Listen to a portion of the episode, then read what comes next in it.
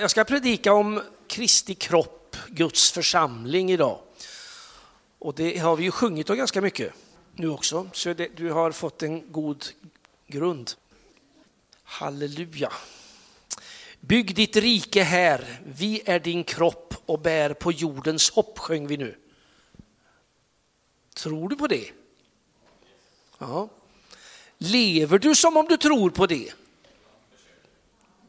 Jag tror att vi människor, vi är ju skapade för gemenskap med Herren och varandra. Jag tror vi är skapade för att tillsammans återspegla skaparen.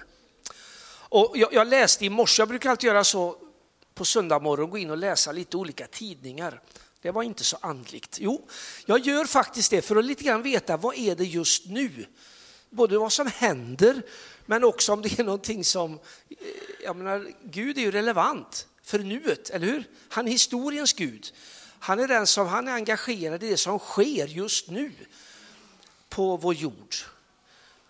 Och eh, då, då läste jag så här att red, sedan 1930-talet finns det forskare, det måste ju varit gått i generationer för annars den som forskar på 30-talet, han forskar väl inte idag gärna tror jag, då hade han varit väldigt gammal.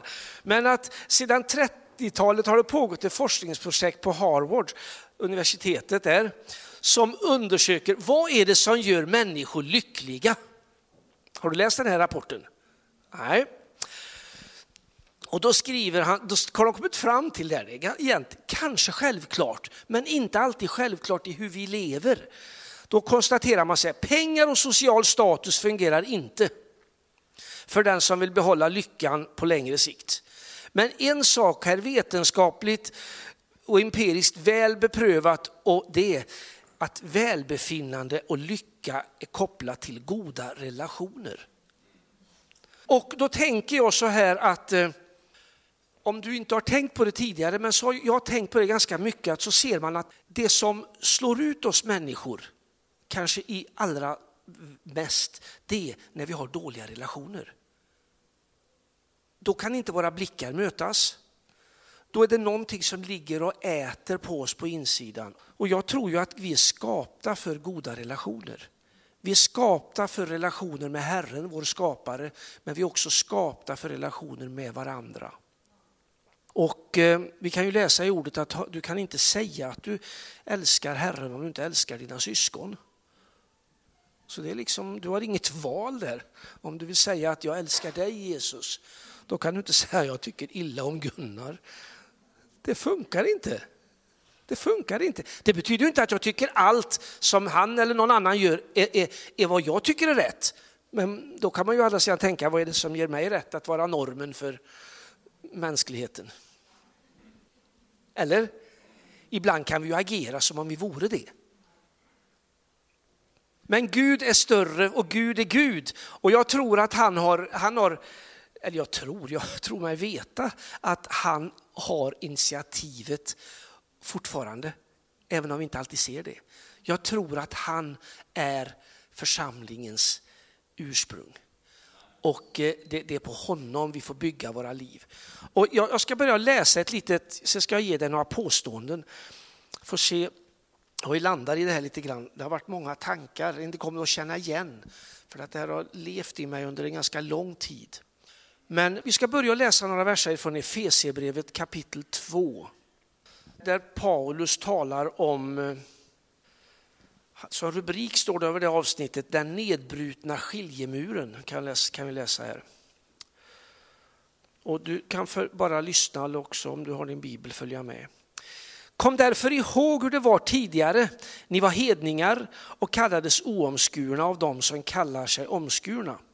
Men den omskärelse som utförs på kroppen med, med den omskärelse som utförs på kroppen med människohand. Ni var på den tiden utan Kristus, utestängda från medborgarskapet i Israel och hade ingen del i förbundet med deras löften. Ni levde utan hopp och utan Gud i världen.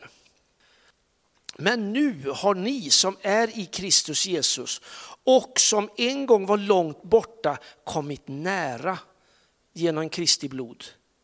Ty han är vår frid, han som gjorde de två till ett och rev ner skiljemuren. vi fick inympas. Detta skedde när han i sitt kött tog bort fiendskapen, lagen med dess bud och stadgar, för att av de båda i sig skapa en enda ny människa och så skapa frid. Så skulle han i en enda kropp försona de båda med Gud genom korset sedan han där hade dödat fiendskapen. Han har kommit att predika frid för er som var långt borta och frid för dem som var nära. För alla med andra ord. Ty genom honom har vi både i en och samma ande tillträde till Fadern. Alltså är ni inte längre gäster och främlingar utan medborgare tillsammans med de heliga och tillhör Guds familj. Ni är uppbyggda på apostlarnas och profeternas grund där hörnstenen är Kristus Jesus själv. Genom honom fogas hela byggnaden samman och växer upp till ett heligt tempel i Herren. I honom blir också ni uppbyggda till en Guds boning genom anden. Amen. Det är några saker här, det står ju väldigt mycket i det här avsnittet, men, men, men vi är medborgare i Guds rike. Vi tillhör Guds familj. Och en familj är inte en person utan det är gemenskap. Vi är inympade i kyrkan. Skulle vi, alltså jag brukar alltid säga, det har du hört tidigare, att vi, vi, kyr, i Uddevalla finns det en kyrka och så många församlingar. Och vi är inympade i Guds familj. Och Guds familj är alla på Jesus Kristus troende. Alla som bekänner sig till honom. Och eh, det är genom honom som vi fogas samman. Han som är hörnstenen. Hörnstenen det är därifrån man utgår ifrån när man bygger. Det är liksom, allting utgår ifrån den här hörnstenen. Så det blir rätt, rätt vinklar och rätt allting. Och Kristus Jesus är hörnstenen och det är genom honom som hela byggnaden fogas samman och växer upp. Och det är i honom som vi blir uppbyggda. Det är i Kristus, i Jesus som vi blir uppbyggda. Och eh, då är det några saker jag har tänkt när det handlar om församlingen här som jag, jag tror Gud har pekat på. Alltså, vi lever ju i en tid där det väldigt mycket handlar om jag, vara självständig, inte vara beroende av. Det är, liksom, det, det, det är på något vis, eh, så, så är okej okay att tycka. Men däremot att, att ge sig till ett vi, det är inte lika självklart. Att ge sig till en annan människa är inte lika självklart utan att ta en reträttväg. Om jag ger mig till en annan människa, då ska jag alltid ha en reservutgång. Och jag tror det är ett gift. Jag tror att en relation, för att den ska bli djup och stark, den behöver vara förbehållsning. Alltså jag, jag ger mig till. Inte för att jag tycker att den andra personen eller att ett sammanhang är perfekt, alltid gör rätt, för då, då lever jag i någon falsk illusion. Men däremot att jag behöver ge mig till. Och, och, eh, och, och det krockar på många sätt lite grann emot den, kan man använda ordet tidsandan som finns. Men, men jag, jag, tror att i församlingen, där är vi ett vi. Där talar vi alltid om vi. Vi talar aldrig om dem och jag på det sättet. Utan det är ett vi. Vi tillhör ihop, eller tillhör ihop. Och du vet att, eh, vi ska läsa det sen lite grann, att om en del av kyrkan lider, då lider också jag. Det gör ont i mig. Om jag ser att en broder eller syster eller ett sammanhang på något sätt far illa, då gör det ont i mitt, mig. För vi är, vi är, vi är liksom inympade, vi är in, i samma kropp, Kristi kropp. Och, men också i församlingen också. Jag, jag, jag, jag, jag tror efter att ha levt ändå ett, ganska många år som en kristen, så, så kan jag säga så att i församlingen där hittar vi också syftet med våra liv. Vi hittar sammanhang, vi hittar tillhörighet. För mig har det alltid, och Karin har det alltid varit självklart att där vi är, där vill vi finnas i en församling. Vi vill vara nära Vi vill inte vara på distans.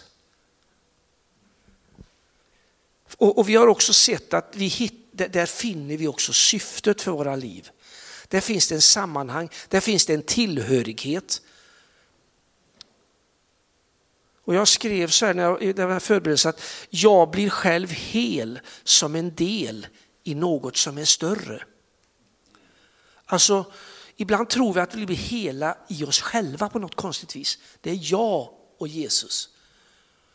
Men det är faktiskt vi och, Herren. Kristoffer predikade här lite grann förra söndagen om, om viet, vikten av att vi är fler än, det är inte, alltså, det kan låta dumt att säga att jag är inte är så intressant, för, för Gud är intresserad av varje individ. Men, men i perspektivet av liv så är det ett vi. Det är vi, vi lovsjunger Herren. Det kan du göra själv också naturligtvis, men det finns någonting i vi. Och eh, jag skrev också att det är en lögn att vara oberoende. Tro aldrig att du är oberoende. På det sättet det blir helt galet. Men också församlingen är en plats som Gud har format för att hans barn ska upptäcka, utveckla och använda sina gåvor.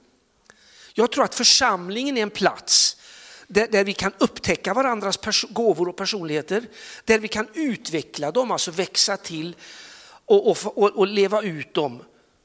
Alltså leva sitt liv. Och då kan någon direkt tänka sig att ja, men jag kan inte vara här inne i det här rummet hela tiden. Om vi, men då definierar vi församlingen på ett väldigt begränsat sätt. Här möts vi vissa gånger och prisar Herren, firar gudstjänst. Men, men du lever ditt liv och där du lever det livet, där lever du din gudstjänst. Där lever du evangeliet. Och där får du liksom ha, men du har din bas i, i viet. Du har din bas där. Men i, i, i, i församlingen så kan du upp, får du upptäcka och utveckla och använda dina gåvor. Och då är det inte bara vad du använder i en, i en gudstjänst här inne. För då blir det väldigt begränsat ditt liv och mitt liv. Jag skrev också så här att i församlingen det jämför vi oss inte med varandra. Utan där kompletterar vi och erkänner behovet av varandras gåvor och personligheter. Har du någon gång jämfört dig? Det var en så dum fråga. Det har vi gjort, det gör vi till och från hela tiden kanske.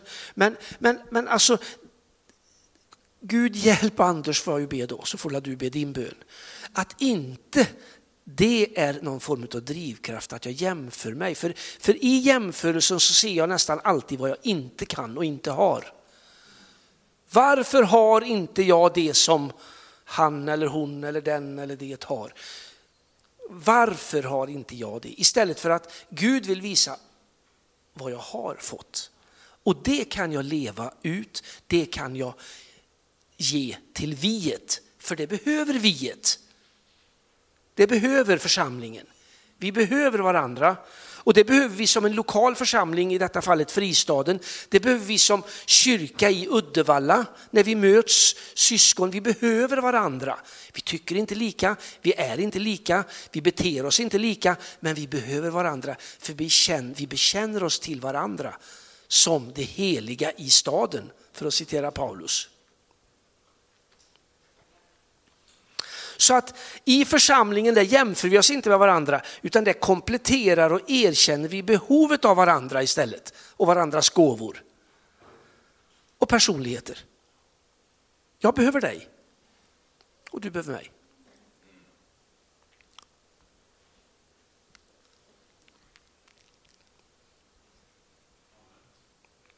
Mm. Bra. Det var några påståenden här. Och jag, jag, tänker så här att eh, jag kommer att läsa en del bibelord nu här som, som är kopplade till, vi ska ta det ta vidare lite grann sen, men, men jag tänker bara så här, hur byggs då församlingen upp? Jo, Paulus är ju tydlig med detta här. Att han, han säger så här i Fesebrevet 4.16. Så byggs kroppen upp i kärlek och den fogas samman och hålls ihop genom det stöd som varje lem ger. Allt efter den kraft som är utmätt åt varje enskild del. Alltså, vi är alla viktiga att, för, för att kroppen, att församlingen byggs upp. Naturligtvis Gud. Men hans kärlek har implementerats eller tagit sin boning i dig. Och, och, och, och den kärleken, den får vi ge vidare och, det, och vi får hålla samman. Det är den som håller oss samman. Det är också den som gör att vi kan växa i trygghet inför Herren och varandra. Men det är någonting, det, det är, men kroppen behöver byggas upp. Och, och, Då kan man bara som en liten parentes säga, nu ska vi inte ha fokus på det idag, men att det är en sorg att se ibland hur vi som olika delar i kroppen hanterar kroppen. Även om vi tycker oss ha rätt i sakfrågor så hanterar vi varandra på ett sätt som är allt annat än värdigt Herren. Allt annat än värdigt Herren. Bara för att jag inte tycker om dig och det sätt du beter dig och exakt som din lära är så tar jag mig rätten att behandla dig som värre än, jag vet inte vad, jag ska inte säga det. Och det är inte värdigt Herren. Vad säger Paulus? Jo, han säger om vi ser någon del av kroppen som vi blygs över, vad säger han då? Ställ ut den på torget och tala om vad hemsk den är. Nej, vad säger han? Då skyler vi den. Vi, vi värnar kroppen, vi värnar varandra, vi värnar viet, vi värnar församlingen, vi värnar kyrkan. Det betyder inte att vi blundar för det som inte är bra. Men din och min attityd är Lider en del så lider jag. Går det väl för en del, ja då går det bra, då gläds jag med det. Korintierbrevet 12, det vet, du vet ju den kroppen där. Där står det så här, om en lem lider så lider alla med den. Om en lem hedras så gläder sig alla med dem. Kanske kan vara svårare att glädjas med den som hedras, för då kan jag tänka varför hedras inte jag också? Men vi gläds över när det går bra för någon annan lokal församling eller för en plats. Vi lider om det, om det är jobbigt i något sammanhang. Eller på någon plats. Det gör ont i mig. För jag kan inte avsäga mig mina syskon.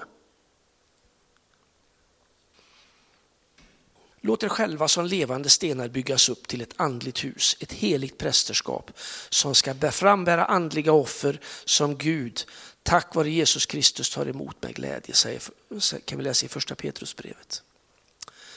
Du och jag är en del av viet. Vi är en del av församlingen. Vi är en del av kyrkan. Vi är en del av Kristi kropp. Och vi är viktiga vare sig vi heter det eller det, ser ut si eller så, har varit på Jesus troende så länge eller så länge. Vi är alla viktiga. Och vad, vad, är det då som är församlingens uppdrag? Jo, det är ju evangelium. Att, att, att, och det grundar ju sig i att, jag menar, ty så älskade Gud världen, läser vi. Älskar du världen? Eller är du rädd för världen?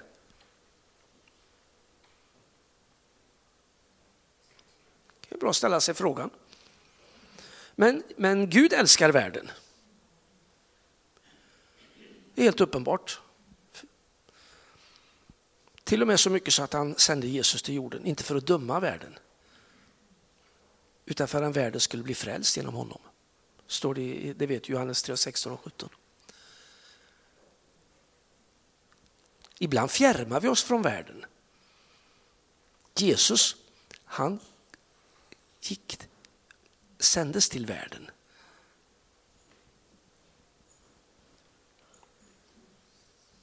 Evangelium, det är Guds kraft som frälser var och en som tror. Först juden, men så också greken. Evangelium är kraft det är någonting som förvandlar.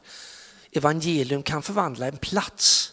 Evangelium kan förvandla ett bostadsområde. Evangelium kan förvandla en familj.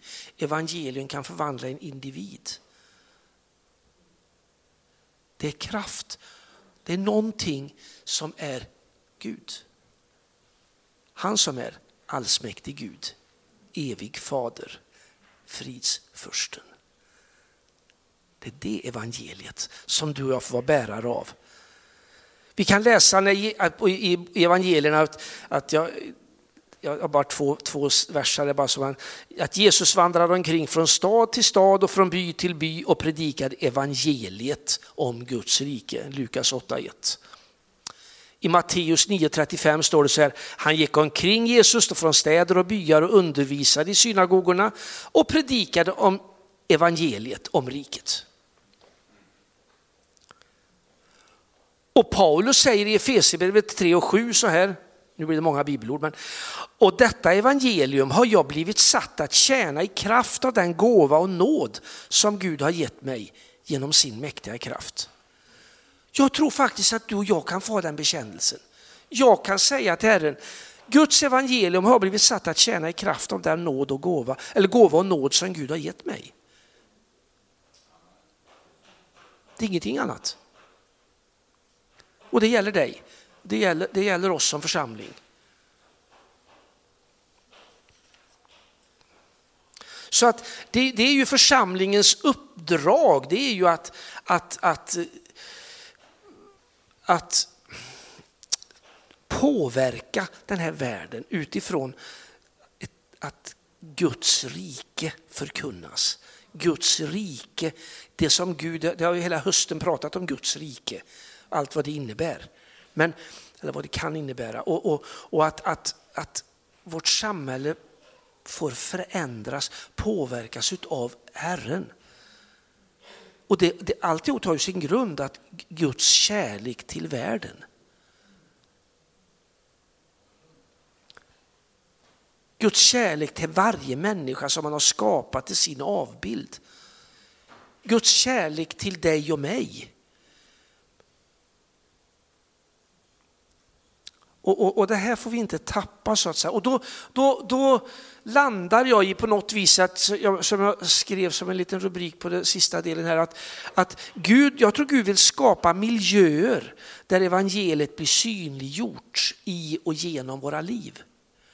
Alltså, eh, och då tänker jag kanske framförallt miljöer, ja men det kan vara en sån här miljö, men inte det i första hand.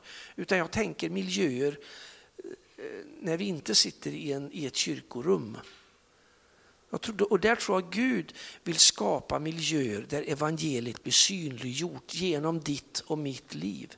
Genom ditt och mitt varande. Och eh, eh med risk för att bli en repetitionsmänniska. Men det, jag, det här har Gud sagt så djupt så jag kan inte, jag kan inte släppa det här, för det var, ett, det var något år sedan bara. Att, att, så bara så, att, jag ska, att det här ska jag säga och säga och säga och leva och leva och leva.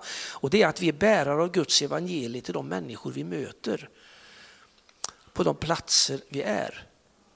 Alltså, det, det är där, det är det, alltså, där du och jag lever våra liv där, dit bär vi evangeliet. Inte för att vi är Gud, utan för att han bor i oss. Hans heliga ande bor i oss. Han har lagt ner en personlighet och en gåva, gåvor i oss och det får vi leva ut. Och, och, och då ska vi vara de, det som Gud har lagt ner. Vi kan inte vara något vi inte är, för då blir vi, då blir vi oäkta. Och oäkta är aldrig attraktivt. Då blir det liksom bara floskler utan på verk. Utan, utan Gud behöver dig. Han har skapat dig till sin avbild. Så att, jag menar, en del, eh, en, om vi försöker definiera Gud så ger du en liten definition av honom. Tänker du så? Och, och då behövs ju den lilla delen utav Guds definition av Gud i världen. Och om vi då alla går med våra små delar, då kommer det att målas något vackert, något stort som återspeglar den allsmäktige guden. Han som sände Jesus till jorden för att han älskade världen. Han älskar dig, han älskar mig. Jesus säger i bergspredikan så här att låt på samma sätt ert ljus lysa för människorna så att de ser era goda gärningar och prisar er fader i himmelen. Det där vet jag ju många, vi sjunger den här lilla ljus jag har och det här. Och då kan man tänka, vad innebär det att lysa? Och här säger Jesus att han ser våra goda gärningar. Så då, då, då är det kopplat till någonting vi också utför.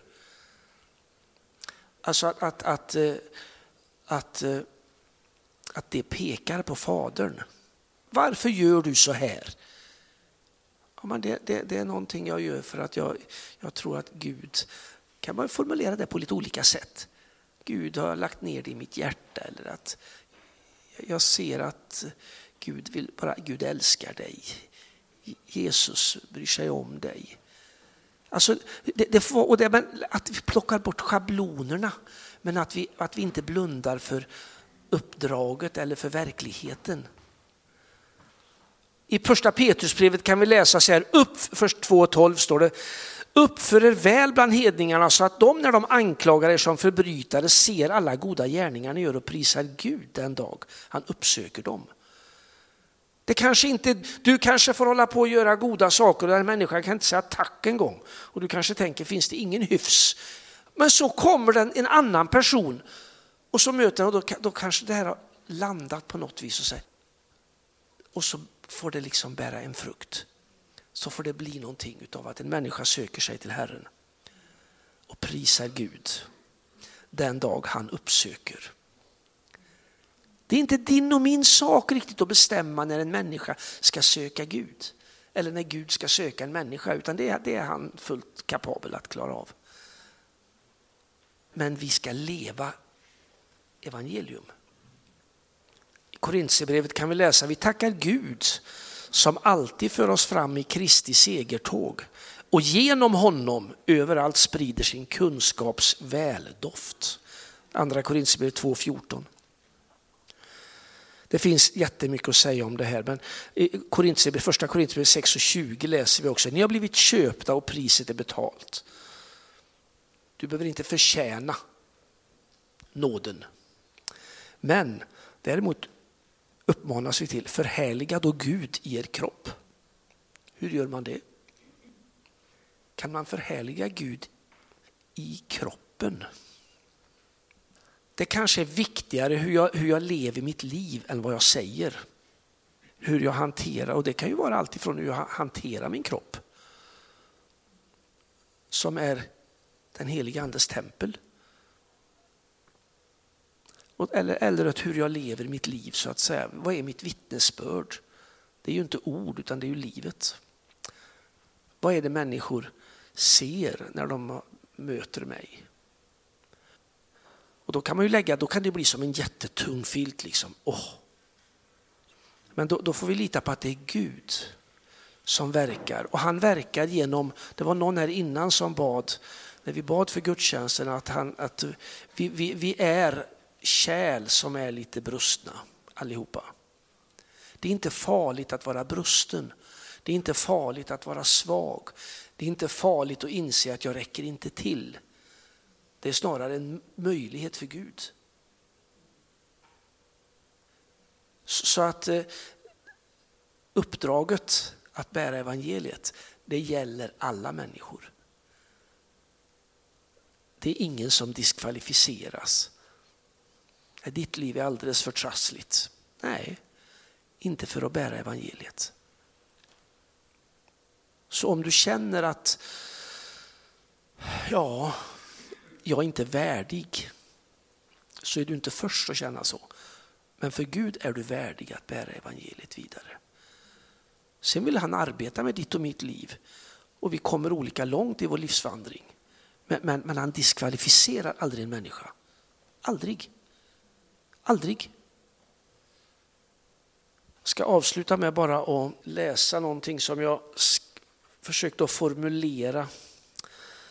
Så får väl du göra vad du vill med det. Men, men alltså att församlingen är, det är, att det är, en, det är en levande andlig organism där Kristus själv är huvudet. Eller hörnstenen läste vi här. Men det. Och den troende är en lem i Kristi kropp. En medlem i den kristna församlingen. En ambassadör, en representant för Guds rike. Och en bärare av Guds evangelium till världen. Jag läser det igen. Jag tror att församlingen är en levande andlig organism där Kristus själv är huvudet.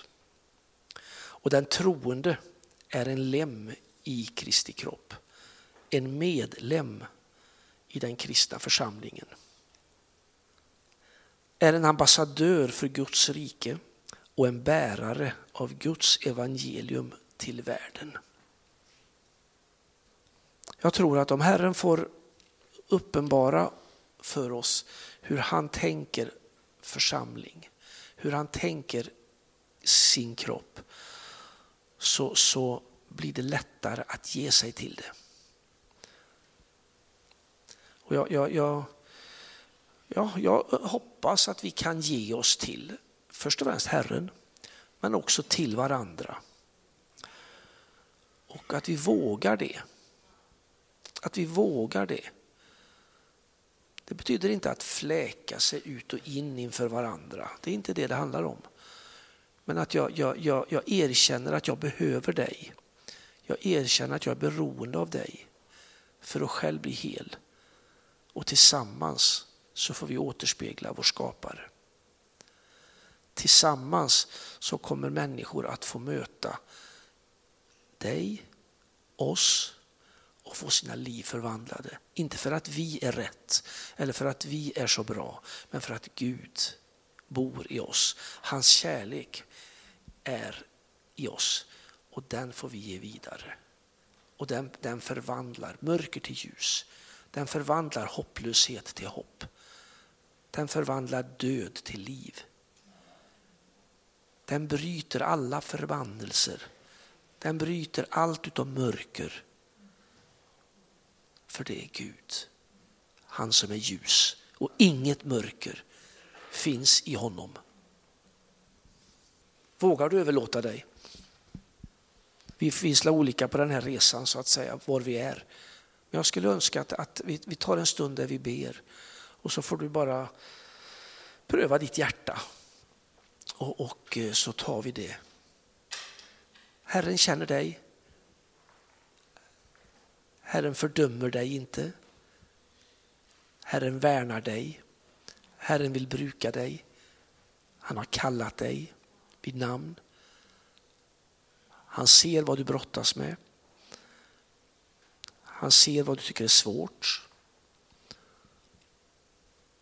Så jag tackar dig Herre för din församling.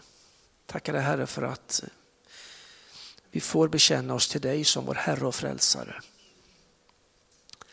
Tackar dig Herre för att vi får bekänna oss också till varandra, Herre, att vi behöver varandra. I oss själva är vi inte nog. Tackar dig Herre för att du vill eh, resa upp din församling på ett sätt som är relevant för 2023. Tackar dig Herre för att du vill måla din bild av församlingen på våra hjärtan. Inte våra egna bilder och, och, och uppfattningar, Herre, utan din bild, Herre. Som varje dag är relevant för den tid som är, för att återspegla ditt evangelium. Tackar dig Herre för att du talar till oss allihop här inne i det här rummet och alla andra som på dig, bekänner dig som Herre och frälsare här i Uddevalla. Tackar dig att vi tillsammans Herre i Uddevalla får vara ett salt och ett ljus. Får vara en, en kraft Herre, en kyrka som pekar på dig. Jag tackar dig Herre att du speciellt kommer till om det är någon här inne som, som känner att kanske på olika sätt så har viet orsakat smärta. Tackar dig för att du trots det ger modet att våga ta ett steg närmare. Närmare dig, närmare syskon. Tackar dig för att det är du som fogar samman. Det är du som bygger din kyrka. Det är din kyrka. Vi får bekänna oss till dig och den. Tackar dig Herre för att vi får också be här om förvandlade liv Herre. Du ser att vi möter mycket mörker här i, i världen. Men jag tackar dig för att din kärlek har gått ut till den här världen.